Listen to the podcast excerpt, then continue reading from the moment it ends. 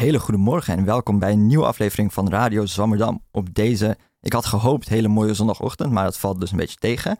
Uh, mijn naam is Henok Tesfaye en we hebben ook deze week weer een mooi uur om hopelijk iets nieuws te leren uit de wonderenwereld van de wetenschap. Vandaag gaan we het hebben over het leren en onderwijzen van taal. Uh, hiervoor hebben we het gast in de studio, Dr. Amos van Gelderen, senior researcher bij het Koonstam Instituut van de Universiteit van Amsterdam en lector taalwerving en taalontwikkeling bij het Instituut van, voor Lerarenopleiding van Hogeschool Rotterdam. Goedemorgen, Amos. Goedemorgen. Zo, um, wat is eigenlijk een taal die jij altijd had willen leren? Wat is de taal die ik altijd had willen leren? Alsof je daar een keuze in hebt, hè? Nee. Uh, ik, ik heb niet echt een specifieke voorkeur voor een taal die ik heb moeten leren of willen leren. Uh, ik ben wel, mijn eerste taal is niet Nederlands, zou je, als oh. je dat zou denken, maar uh, Ivriet. Ik, ik ben oh. opgegroeid in een gezin met mijn vader als Nederlander en mijn moeder als Hongaarse. En samen spraken ze alleen maar Ivriet, want de een kon geen Hongaars en de ander kon geen Nederlands. En ze hebben elkaar ontmoet in Israël. Mhm. En uh, daar was dus de gemeenschappelijke taal uh, Ivriet, uh, de, de gezinstaal. En, en toen ze weer in Nederland terugkwamen na de oorlog, toen ben ik dus opgegroeid met uh, Ivriet als eerste taal. Oké, okay, nou prachtig. Uh, pas toen ik uh, vier jaar was, -hmm. toen ik naar de kleuterschool moest, toen uh, kwam ik erachter dat ik met Ivriet niet erg ver kwam. Oh, dat ken ik. dus dat toen ken ben ik. ik thuisgekomen en toen zei ik tegen mijn vader, dat, ik herinner me dat zelf natuurlijk niet meer, maar dat is een soort uh, legende geworden van ze verstaan me daar niet, dus ik ga geen Ivriet meer praten. Ja, ken ik. Heel, heel, heel, ja, heel, uh, heel herkenbaar. ja. Um, ik de doe deze uitzending uiteraard niet alleen. Tegen, naast mij zit mijn co-presentator Bobby, van, Bobby Uilen. Goedemorgen Bobby. Hallo, goedemorgen. Heb jij een taal die je heel graag zou willen leren? Nou, ik probeer heel erg vaak af en aan Italiaans te leren. Ja. En ik zet nooit door, dus ik kan het eigenlijk nog steeds niet. Maar als, er dan, als ik dan nu een taal zou moeten noemen die ik graag zou willen leren, dan is het wel ja, dat dus. Italiaans. Ja. ja toch ooit, ooit aan beginnen. Ja. ja. Oké okay, dan. Um, Italiaanse kennissen. Nee, nee, helemaal niet. Okay, nee, het is maar gewoon... waarom dan? Ja, ik weet niet. Nou, mijn oma die heeft heel lang in Italië gewoond en die zegt dan altijd: "Oh, het zou zo leuk zijn als je dat ook kon." En dan denk ik van, ja, dat is wel gezellig, maar ja, het, ik, het, de on, motivatie ontbreekt dan toch om het echt te leren, ook omdat je het nooit echt hoeft te spreken. Oh ja, dat ken oké. ik. Dus ja, Oké. ja, ja, ja. Maar vind je het leuk vanwege de intonatie? Ja, ik vind het, ja, het, gewoon echt omdat ik het een mooie taal vind. Ja, ja, ja, ja. Ja. Dat had mijn moeder met Frans. Oh ja, Die wilde altijd Frans leren, want dat vond ze zo'n mooie taal. ja. Vind ik ook. Dat ging dan Ja. vooral over de klank, het zangerige. Ja. Ik denk dat uh, daar kunnen we nog mooi op terugkomen straks. Um, om te beginnen, Amos, uh, ik heb natuurlijk me ingelezen op wat voor soort onderzoek je hebt gedaan om uh, wat vragen te kunnen bedenken en bedenken waar we het over kunnen hebben. Je hebt een hele lange carrière gehad met heel veel verschillende soorten onderzoek, heel veel verschillende banen die je hebt gehad, zou ik kunnen zeggen. Mhm. hoe is deze interesse voor taal begonnen? Um, goeie vraag. Hoe dat is begonnen, uh, ik denk dat dat toch met mijn psychologiestudie te maken heeft gehad. Ik uh, ben afgestudeerd bij uh, een richting die nu niet meer bestaat. Die heette gedragsleer. Mm-hmm. En die had als ambitie om het menselijk gedrag zo veel mogelijk vanuit zijn verschillende determinanten te verklaren. En dat vond ik uiteindelijk toch een beetje te breed. En toen dacht ik van ja, maar ik wil iets doen dat ook maatschappelijk relevant is. En dat was toen in de psychologie, toen ik afstudeerde, dan was, daar hebben we het nu over de jaren 70 en 80. Uh, dat was, uh, was dat niet zo heel erg gebruikelijk. Dat was toch heel veel laboratoriumachtig onderzoek. Uh, en toen kwam ik al heel gauw achter dat het onderwijs voor mij toch wel een meest interessante maatschappelijke context was waar ik het onder, onderzoek in wilde doen. En ja, toen is de stap naar taalonderwijs eigenlijk geleidelijk gekomen. Ik, ik denk dat dat vooral te maken had met het feit dat ik een baantje kon krijgen bij de SLO. Dat was de stichting, dat is nog steeds, Stichting Leerplanontwikkeling. Ja, officieel heet het nu geloof ik weer anders. Maar, uh, en, en die uh, zocht mensen die bezig waren geweest met uh, taalbeschouwing. En taalbeschouwing, dat is zoiets, ja, dat is een beetje moeilijk uit te leggen in twee woorden. Maar dat heeft te maken met reflectie op taal in plaats van alleen maar taalvaardigheid, de reflectie daarop, eh, de reflectie op. Dus er zit allerlei kennis over, over grammaticale dingen, eh, zit daarin besloten. En eh, ja, toen werd ik daar zeg maar voor uitgezocht om daar onderzoek naar te doen, naar methoden voor taalbeschouwing. En dat heeft zeg maar het vliegwieletje een beetje die kant uitgeduwd. Dus ehm, zou je zeggen dat je onderzoek doet naar taal of onderzoek naar het leren van taal? Of allebei? Allebei. Nou ja, misschien meer het leren van taal dan, dan taal op zich. Kijk, taal op zich, dat is een domein van de eh, taalkundigen, Ja. de linguisten. Eh, Pure linguisten zijn echt bezig met het bestuderen van taal als object, als zodanig. En eh, ik was veel meer geïnteresseerd in wat doen mensen met taal en wat doet taal met mensen. Dat is nog steeds heel breed, maar, maar dat was wel mijn, eh, eh, vanuit de psychologie natuurlijk, mijn drijvende motivatie. Ja. En ehm, u bent senior researcher bij het uh, Constam Instituut. Wat voor soort onderzoek wordt daar gedaan? Kunt wel stellen over wat is het Constam Instituut? Het Constam Instituut is een uh, onderzoeksinstituut uh, dat een jaar of wat geleden is ge- losgehaald van de faculteit van maatschappij en gedragswetenschappen, vooral de pedagogiek en de onderwijskunde. En uh, daarna al, zeg maar, zelfstandig is verder gegaan als onderzoeksinstituut op het gebied van pedagogiek en onderwijskunde. Eigenlijk hoort het, maar dat is dan, ja, het idee was dat dat dan de meer commerciële poot zou worden van dat onderzoek. Maar in werkelijkheid uh, kwam het er toch gauw op neer dat uh, onderzoek dat wij uitvoerden ook vaak in dezelfde stromen subsidies zat als waar de uh, faculteit uh, en de, de afdeling pedagogiek onderwijskunde mee bezig waren. Dus wij, wij vissen veel in elkaars vijver. Ja, ja, ja snap ik. Um, en het is natuurlijk een, ja, een, een heel breed uh, onderwerp.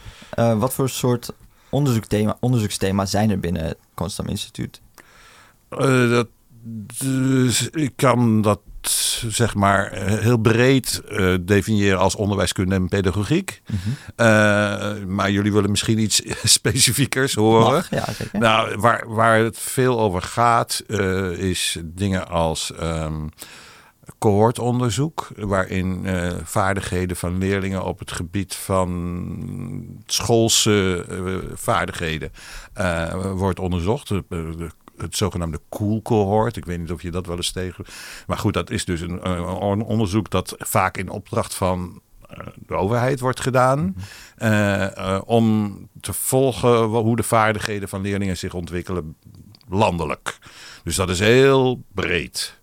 Uh, nou, dat is een onderzoek naar passend onderwijs is ook een, belangrijk thema binnen de, de, de, portefeuille op dit moment. Ik bedoel, het verandert natuurlijk afhankelijk van wat er in de politiek allemaal gevraagd wordt. Het is ja. toch vaak vrij politiek gestuurd. Uh, maar daarnaast hebben we ook uh, mogelijkheden om zelf onderzoek te entameren als we uh, gebruik maken van subsidiestromen die wat meer vrijheid laten aan het thema. En dat is mijn favoriete uh, stek, want ik hou niet zo van me door het beleid te laten sturen. Want dan komt het toch gauw neer op dingen waarvan je zegt, wat, wat schiet de wetenschap daarmee op? Ja, dat kan ik me voorstellen. um, een van de vele dingen waar u persoonlijk, of waar jij persoonlijk, sorry, uh, onderzoek naar hebt gedaan en doet, is lage letterdheid.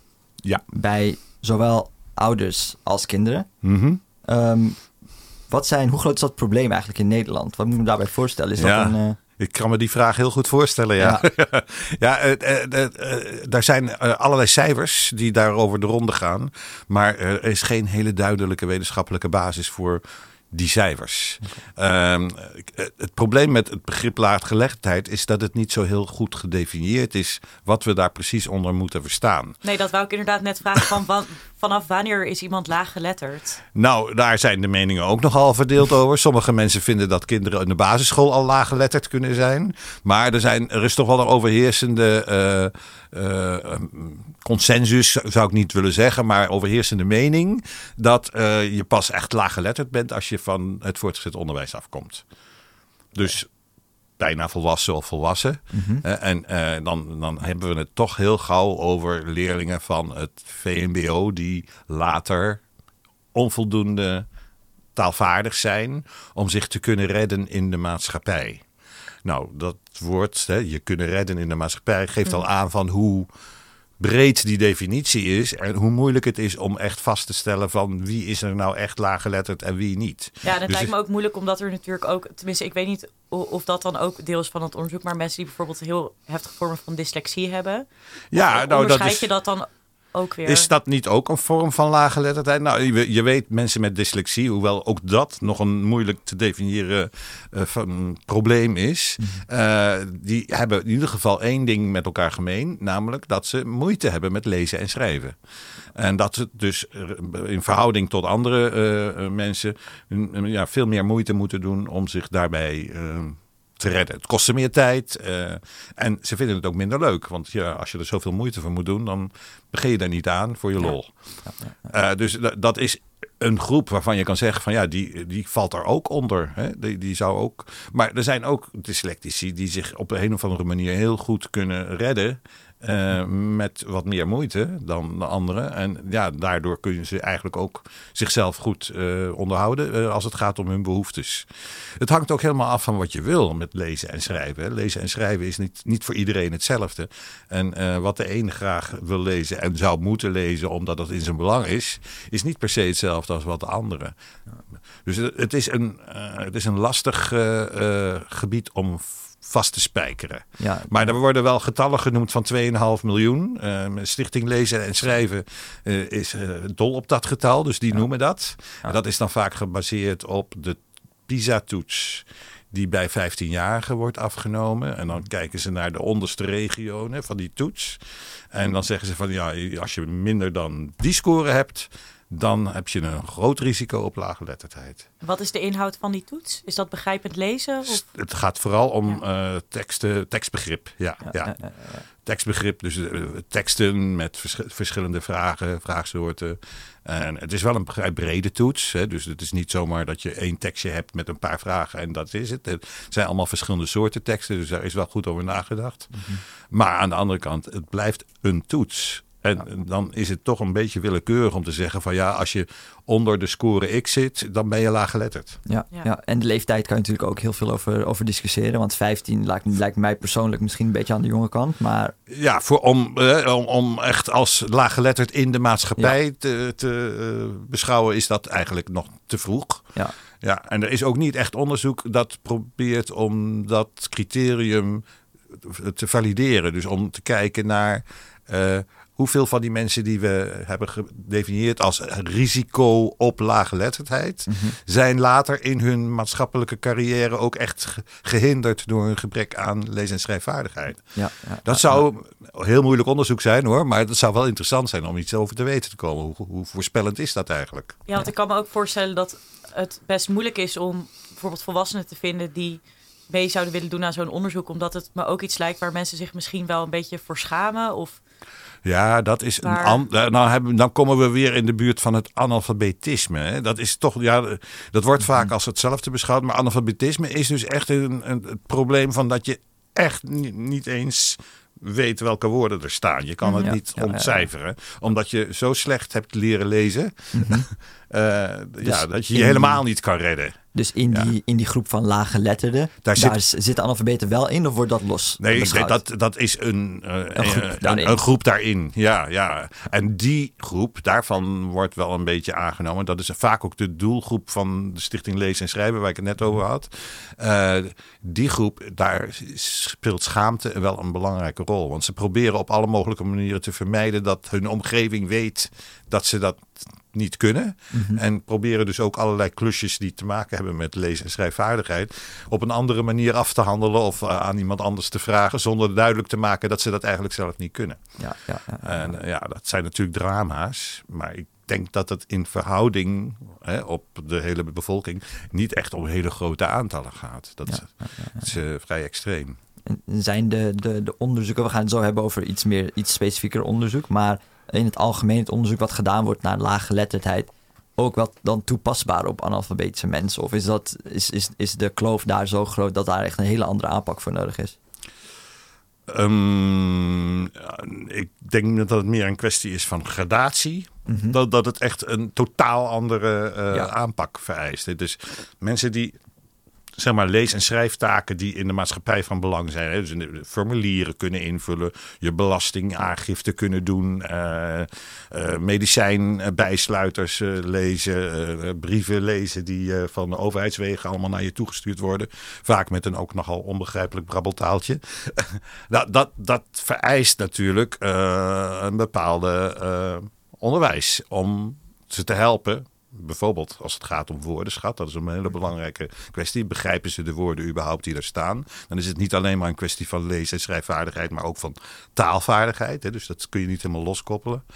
Uh, maar ik denk dat uh, als het gaat om analfabeten, zul je uh, veel meer aandacht nog moeten besteden aan het, het decoderen van woorden. Ja. Want dat, dat is het eerste waar ze tegenaan lopen. Twee, dat betekent niet dat dingen als woordenschat en het gebruik van allerlei vaardigheden om uh, brieven te kunnen lezen, of de krant te kunnen lezen, het internet te kunnen gebruiken, mm -hmm. die zijn in principe voor uh, alle laaggeletterden, inclusief de analfabeten, ook van belang. Ja, ja. Maar de analfabeten komen wel, nog wel iets ver, van, van iets verder. Ja, ja, ja, ja, ja tuurlijk. Ja.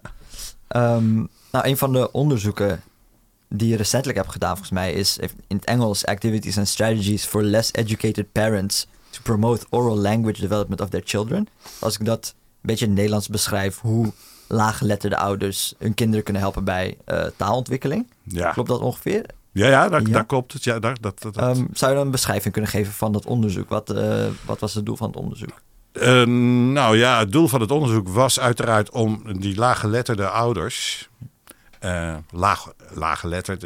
Het, is meer laag opgeleide ouders. Hè. Het is heel erg moeilijk, zoals ik al zei, het is heel moeilijk om te meten of iemand laaggeletterd is. Dus we zijn echt uitgegaan van het opleidingsniveau. Uh, dat is de doelgroep van uh, heel veel programma's binnen het onderwijs. Die zeg maar compensatie moeten bieden voor het feit dat kinderen thuis te weinig geprikkeld worden om taal te gebruiken. Dat is uit onderzoek bekend van juist die kinderen lopen het grootste risico om later ook laaggeletterd te worden. Uh, al in de basisschool lopen ze vaak achter als het gaat om taalvaardigheid, woordenschat, al dat soort zaken.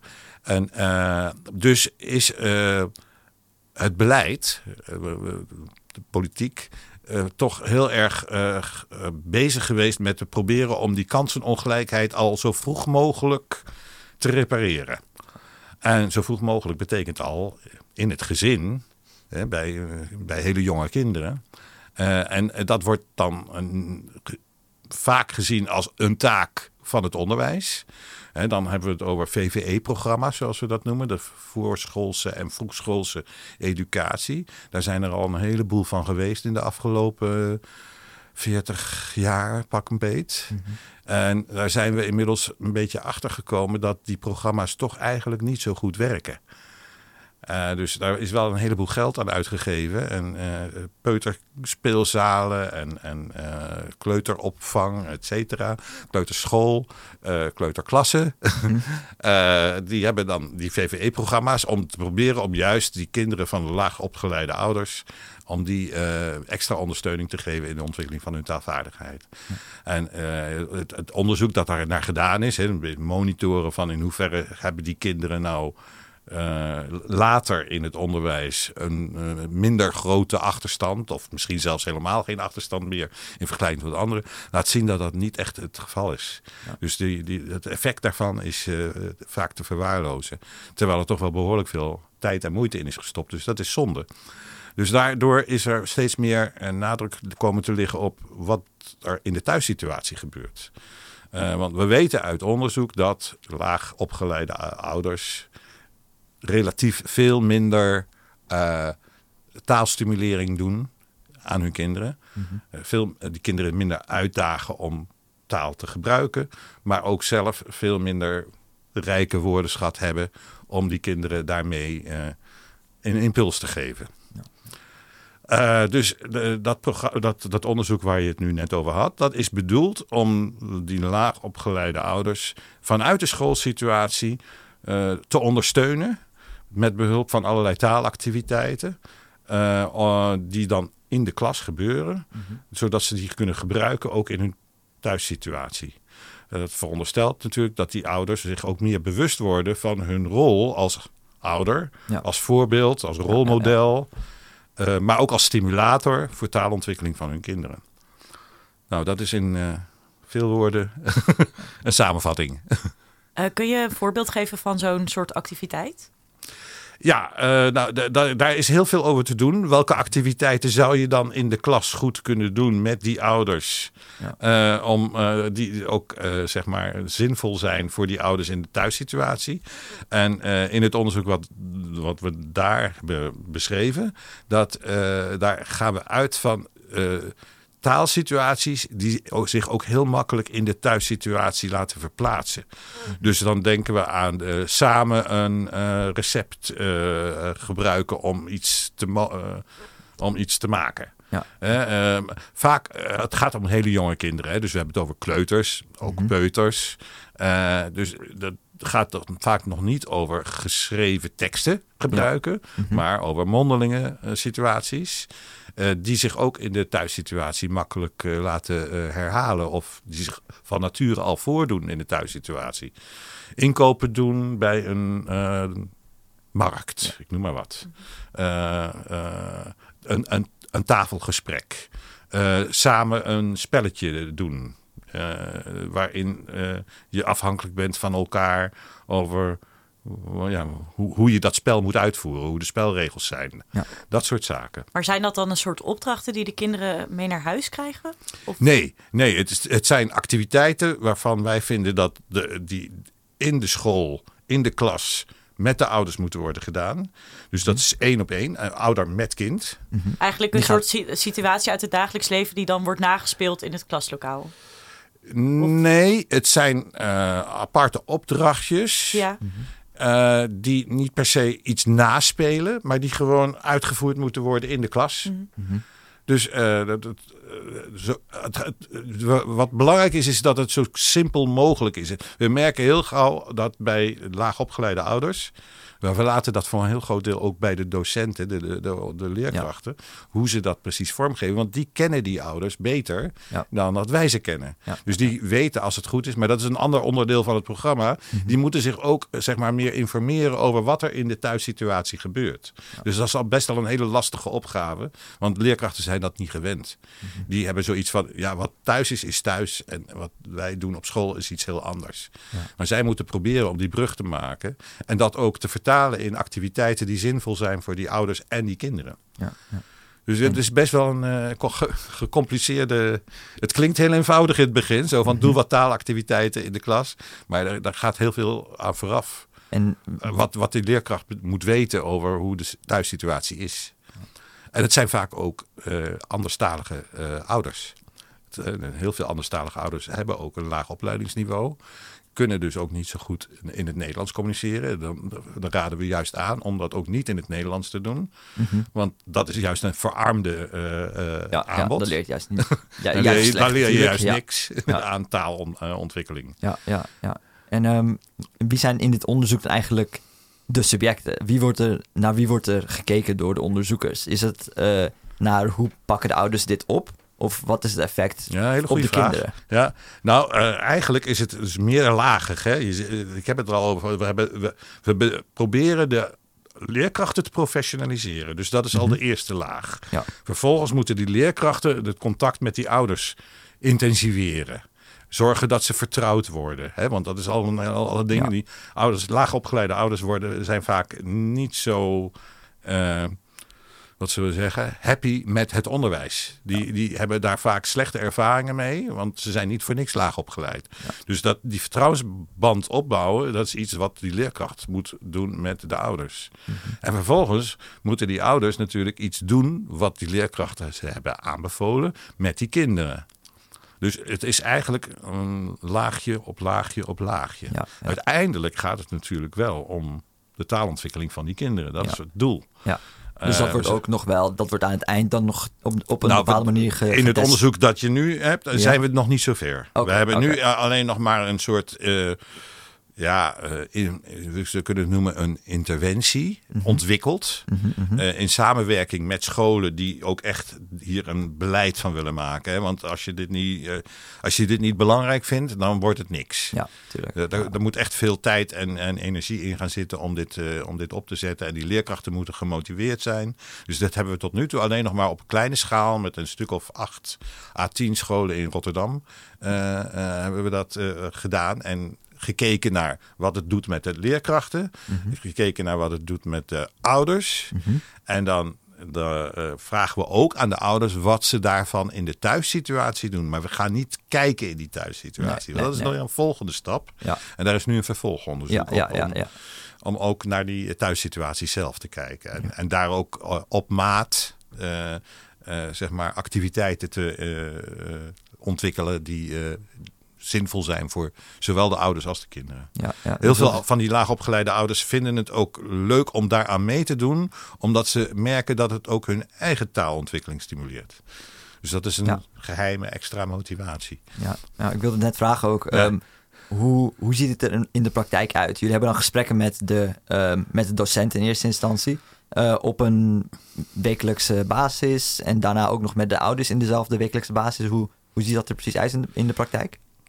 Eh, in de praktijk is het vooral dat uh, uh, degene die het onderzoek op de scholen uitvoeren, Mhm. vooral met de leerkrachten te maken hebben. Okay. Maar er worden ook interviews afgenomen met ouders. Mhm. Mm -hmm. dus die contacten tussen de onderzoekers en de ouders zijn er ook.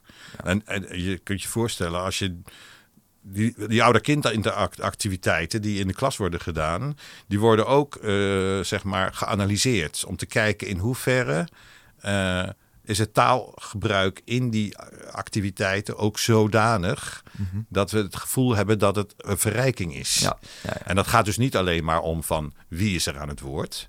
He, dus niet alleen maar uh, wie praat het meest. Mm -hmm. Want we willen graag ook dat die kinderen ook veel praten. Uh, en niet alleen de ouder. Dat heb je heel gauw. Dat de ouder de leiding neemt en dat het kind alleen maar ja en amen hoeft te zeggen. Nou, dat is over het algemeen niet zo bevorderlijk voor de taalontwikkeling. Dus we willen graag ook dat het interactief is.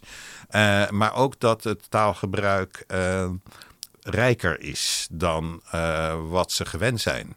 En dat heeft te maken met wat we genoemd gedecontextualiseerd taalgebruik. Dus dat je praat over dingen die niet direct in de omgeving ja. zichtbaar zijn.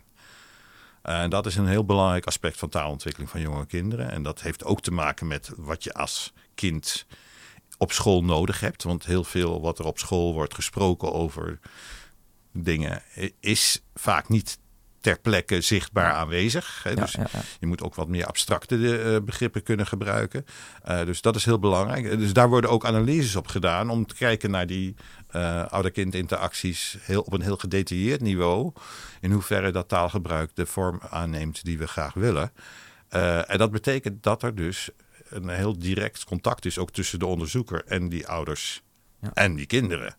Nou, die kinderen die die, die, die gaan vrij makkelijk mee. Maar die ouders die moeten jou kunnen vertrouwen. Ja. En het is best voor hun uh, nogal confronterend. Zo'n onderzoeker die de hele tijd daarbij zit als zij met hun kind aan het praten zijn. Ja, maar dat is echt ook hoe het gaat. De onderzoeker zit gewoon aan tafel. Bij, bij, bij, bij, die analyses zitten vaak de onderzoeker er gewoon bij. En is het vaak ook, dan hebben we één op één, hè, dus uh, ouder-kind. Mm -hmm. En, en uh, dan, ja, dat wordt opgenomen op video. Ja, dus dat, daar, okay. daar moet een onderzoeker bij. Ja, ja, ja, ja. ja. ja dat klinkt naar mij in ieder geval relatief invasief, zeg maar. Als zijnde als je een, uh, een, een leuk gesprek nou, of een taalactiviteitje uh, wil doen met je kind... of als kind zijnde dat er een, een vreemde bij zit.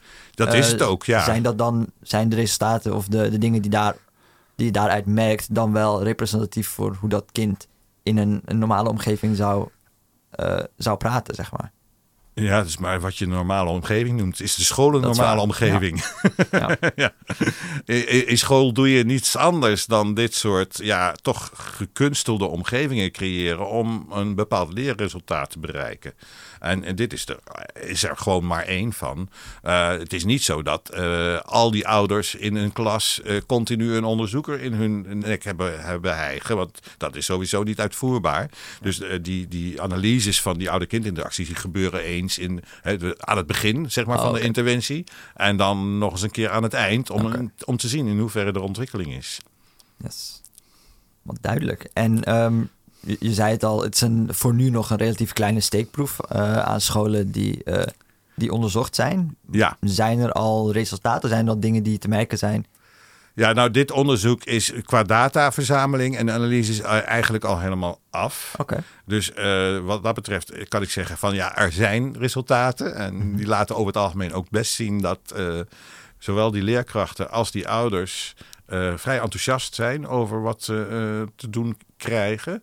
Maar er zijn wel nogal aardig wat eh, hobbels op de weg om ervoor te zorgen dat dit op grotere schaal eh, kan worden toegepast. Want het is, zoals je zegt, het is heel intensief.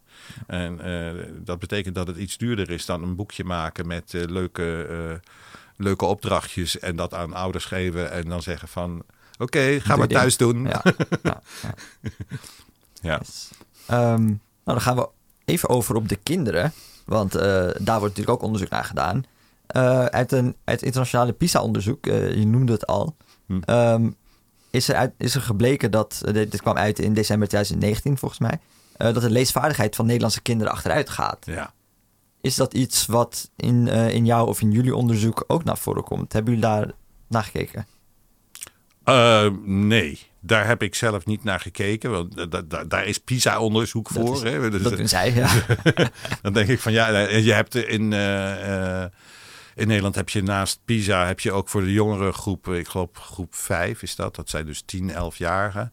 Ehm 10-jarigen denk ik vooral.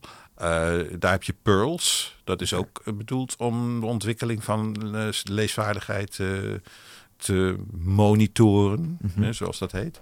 Eh, dus ik, zou, ik, ik heb geen echte eh, reden om te zeggen, laat ik dat ook nog eens een keertje gaan doen. Eh, maar eh, ja, goed, er, wordt nu zeg maar toch wel veel eh, over gepraat over wat betekent dat nou eigenlijk dat eh, die leesvaardigheid achteruit gaat en hoe erg is dat?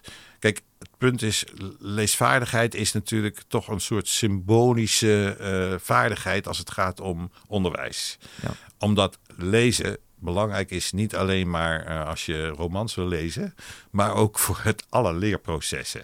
Eh, bijna al het le- leren gaat altijd via geschreven teksten. Eh, naast ook gesproken teksten natuurlijk, want er staat de leerkracht voor de klas. Maar heel vaak zijn er, oh, moeten ze die leerlingen uit boekjes opdrachten maken. En als ze die niet kunnen begrijpen omdat ze niet goed kunnen lezen, ja, dan hebben we wel een probleem. Ja.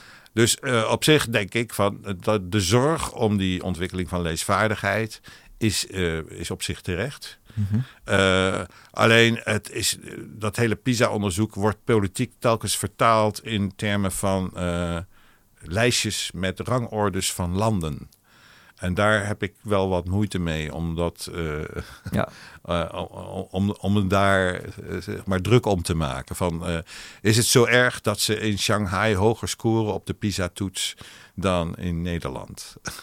En, eh, en, en hoe eh, politiek is dit allemaal? Want dat is natuurlijk toch een soort uithangbordje voor eh, regeringen om te laten zien van kijk eens hoe goed wij zijn. We zitten op nummer 1, Ja. 2, 3. Ja, ja, dus er zou misschien niet zo'n eh heisa over zijn ontstaan als Nederland, als het niet gerankt was. En als het niet zo gebracht zou worden als zijnde Nederland is gedaald in de ranking als het gaat om leesvaardigheid. Nee, precies. De, de daling in de ranking is denk ik niet zo belangrijk. Want de daling in de ranking kan net zo goed voortkomen uit het feit dat ze... Anderen beter in- zijn. Nou, of dat ze in, in Shanghai eh, veel onderwijs geven wat, eh, wat zeg maar, gericht is op het maken van toetsen. Ja. Teaching to the test. Nou, dat is in, in Shanghai zijn ze natuurlijk heel slim. En eh, dan weten ze van, eh, oh, wij willen hoge scores op de PISA-toets. Het is niet voor niks dat ze die apart hebben eh, gerapporteerd. Hè? Is dat zo? Ja, dat is zo. Die worden apart, Shanghai wordt apart gerapporteerd. En daarnaast hebben we ook nog Een, eh, een of andere regio in China, die ook apart genomen. Maar het is niet heel China. Nee. Ja. Dus ze kiezen heel strategisch bepaalde regio's uit waarvan ze denken, die zouden wel eens hoog kunnen scoren. En dat kun je nog een beetje verbeteren door te, die, die leerlingen goed te drillen op dat soort vragen. Eh, en eh, in Nederland zijn we daar misschien wat minder sterk in om leerlingen toetsen te, te laten leren maken. Want dat is een beetje het probleem met een, een eh, onderwijssysteem dat heel erg op toetsen gebaseerd is. eh, waardoor eh, scholen ook afgerekend worden op resultaten van die toetsen. Dat is een, een soort perverse prikkel om le- leerlingen alleen maar te leren hoe ze goede toetsen kunnen maken. Maar niet de bredere vaardigheid waar die toetsen eigenlijk voor bedoeld zijn. ja, ja, ja.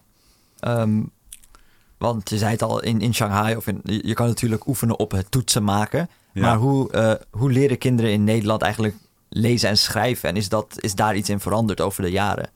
Waardoor dit misschien ver- eh, v- eh, verklaard kan worden? Of zou het eh, compleet anders liggen?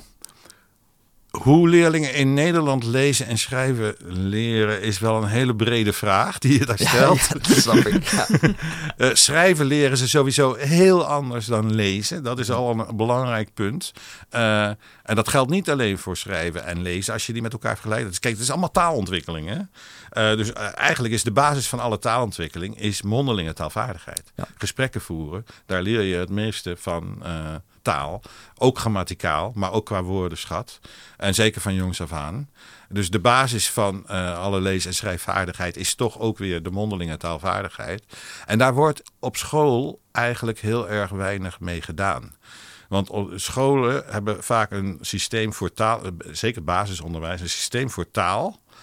eh, waarin elk stukje apart wordt onderwezen. Dus je hebt aparte methodes voor leesvaardigheid. En je hebt een aparte taalmethode. En daarin zit dan ook schrijfvaardigheid. Om een of andere reden zit die niet bij leesvaardigheid, maar die zit bij taal. En dan heb je een aparte methode voor spelling. En die is ook weer los van. Dus in plaats van dat ze al die dingen met elkaar verbinden, worden ze uit elkaar getrokken. En dat is denk ik wel een belangrijk probleem in het onderwijs, omdat eh, ja, daar dus eigenlijk geen recht wordt gedaan aan het feit dat je met die ene vaardigheid lezen ook heel veel kan leren over schrijven. Ja. En andersom, door te schrijven kan je ook heel veel lezen over, leren over hoe je moet lezen. Want je, je, als schrijver kom je in de positie van de maker van die teksten die jij later ook moet begrijpen. En daardoor krijg je ook meer gevoel voor hoe het is als je als lezer naar een tekst kijkt. Ehm, Eh, zou, ja. dat, zou dat kunnen, bedoel, wordt dat steeds meer? Is, is, is daar een verschil in over de jaren? Of, Eh, eh, je bedoelt die, eh, die uitsplitsing, Ja. de, de, verkaveling. Ja. Eh, nou, die is al heel lang zo. Dat is niet iets wat meer wordt. En ik denk dat, er- ja, er is nu een hele discussie over het nieuwe curriculum voor de toekomst. Hè. Curriculum nu heet dat. eh, heb je misschien wel gezien ergens.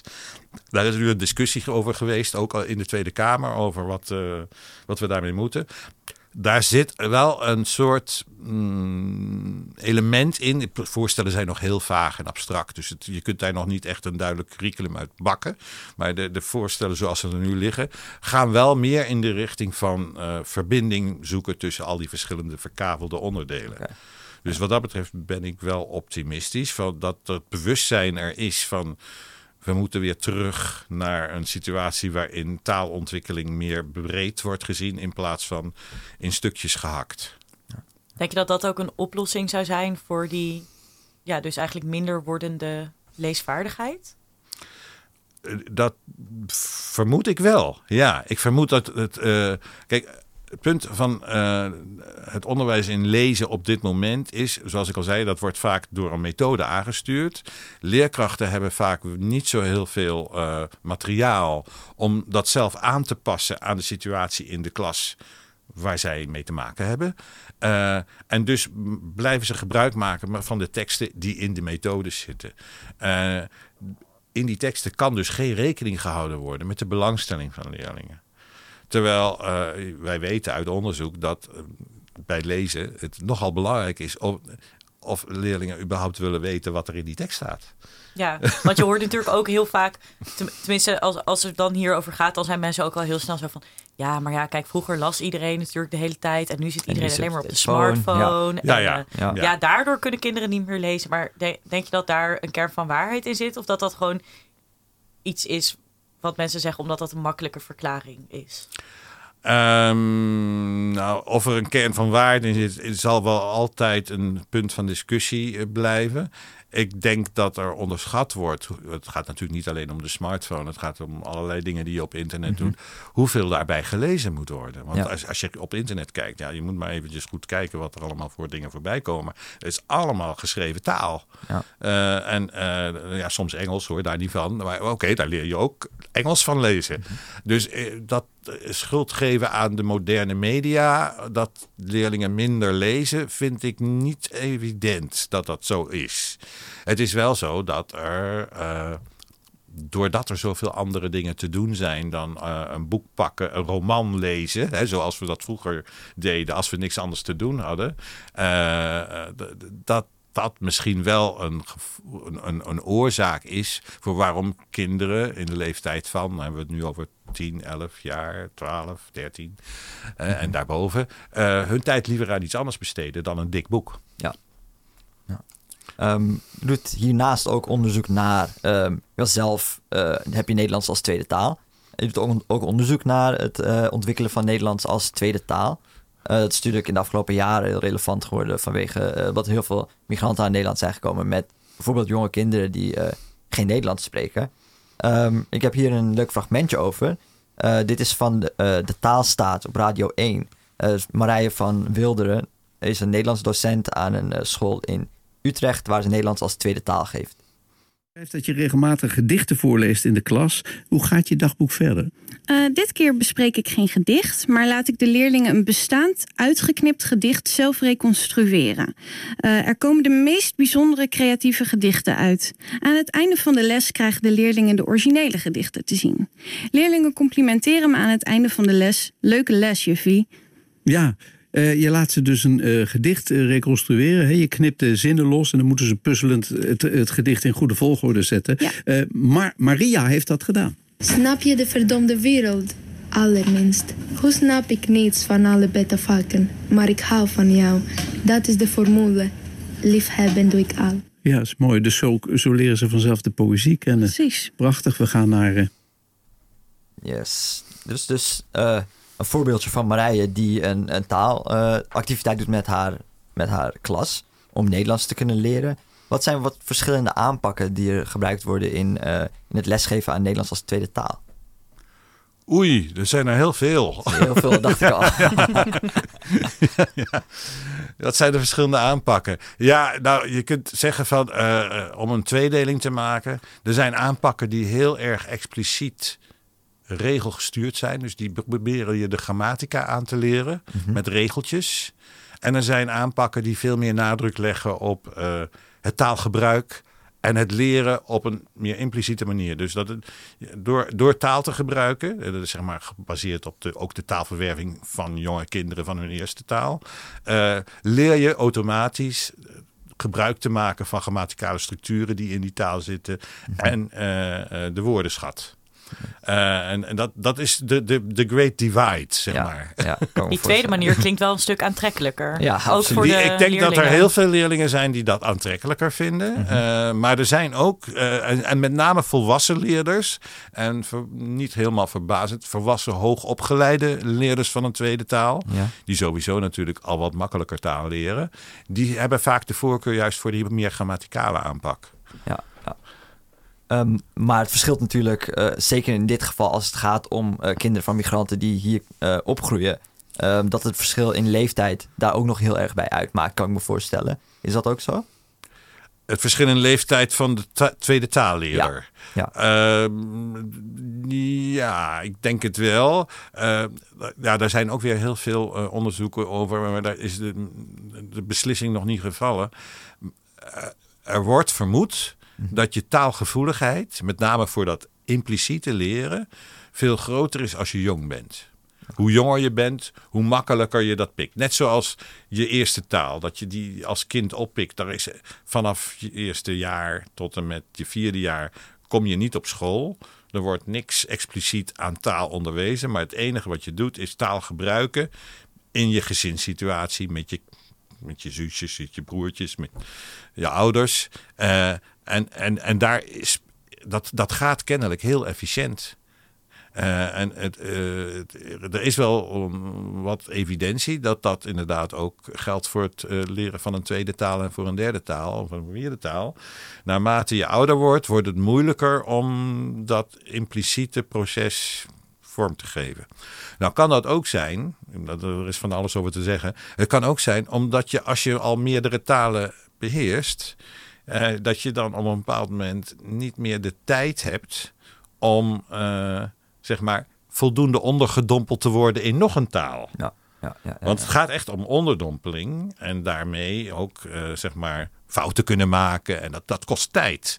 Het kan heel goed zijn dat, dat je dan als je ouder bent toch meer teruggrijpt op de boekjesmethode van uh, regeltje uh, eerst persoonsvorm, dan werkwoord of uh, dan onderwerp en dan leidend voorwerp of andersom. Bij een andere ja. taal is dat weer anders. He, dat, dat het meer een soort gepuzzel wordt, maar daar, dat kost minder tijd om daarmee bezig te zijn dan wanneer je ondergedompeld moet worden en daar enige taalgevoeligheid voor ontwikkeld. Ja, ja. Dus we weten niet precies of dat echt een pure leeftijdskwestie is. Of ook dat je gewoon, naarmate je ouder bent, minder tijd hebt om je helemaal in een taal ja. onder te dompelen. Ja. Ja, ik zou misschien om even daarop verder te gaan, me ook wel kunnen voorstellen dat misschien juist mensen die meertalen spreken, altijd, ik heb altijd het gevoel gehad dat mensen die meertalen spreken makkelijker talen leren ook. Is dat, is dat, is dat dan misschien fout gedacht van mij? Uh, nou, je kunt wel zeggen dat mensen die meer talen spreken, kennelijk taal, zo taalgevoelig zijn dat ze ja. dat hebben kunnen leren. Ja.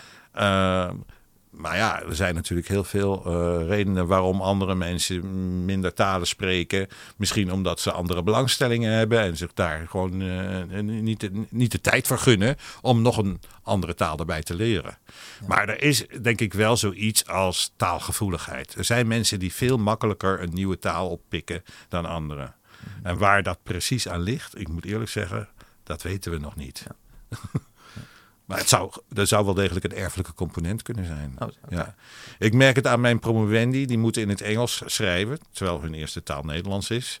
Uh, en uh, daar zijn, uh, er zijn er die kunnen zo snel, vloeiend Engels produceren dat ik er versteld van sta. Want in het begin konden ze nauwelijks een goede Engelse woordvolgorde uh, produceren. En na een jaar of twee uh, is het, klinkt het bijna alsof het, uh, nou ja, het klinkt het, het, ze schrijven. Hè? Dus dat is wel wat anders dan praten. Spreken is wat lastiger. Ja. Maar schrijven en op basis van het leren in leessituaties. Dus ze lezen veel Engelse teksten, want ze moeten ook publiceren in, Engels, in ja. het Engels. En sommigen pikken dat dus zo makkelijk op dat dat idioom van hoe, je, hoe zeg je dat in het Engels, terwijl anderen blijven daarmee worstelen. Dus er is wel de, ik denk dat er wel een soort erfelijke component is die dat bepaalt, hoe, hoe gevoelig je ervoor bent. Ja. Ja. Uh, we hebben het aan het begin al een beetje gehad over uh, bij onderzoek hoe uh, de, de volwassenen worden, die worden geïnterviewd, daar komen resultaten uit, zeg maar.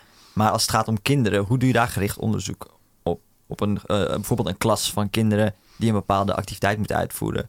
Uh, worden daar ook interviews mee gedaan? Is dat uh, gebaseerd op inderdaad testscores? Hoe, hoe, hoe voert ja, dat? Hangt helemaal af van de onderzoeksvraag. Wat ja. wil je weten van die kinderen? Ja, we, we doen toetsen hè, om te weten hoe goed ze kunnen lezen of hoe goed ze kunnen schrijven of uh, spreken. Heb je ook, kun je ook toetsen voor maken mm -hmm. om vaardigheden te meten. Maar je kan, als het gaat om dingen als attitudes, hè, dat wil je ook graag weten. Van, vinden ze het leuk om, om te lezen? Vinden ze het leuk om te schrijven? Vinden ze het leuk op school? Daar hebben we dingen als interviews en vragenlijsten voor.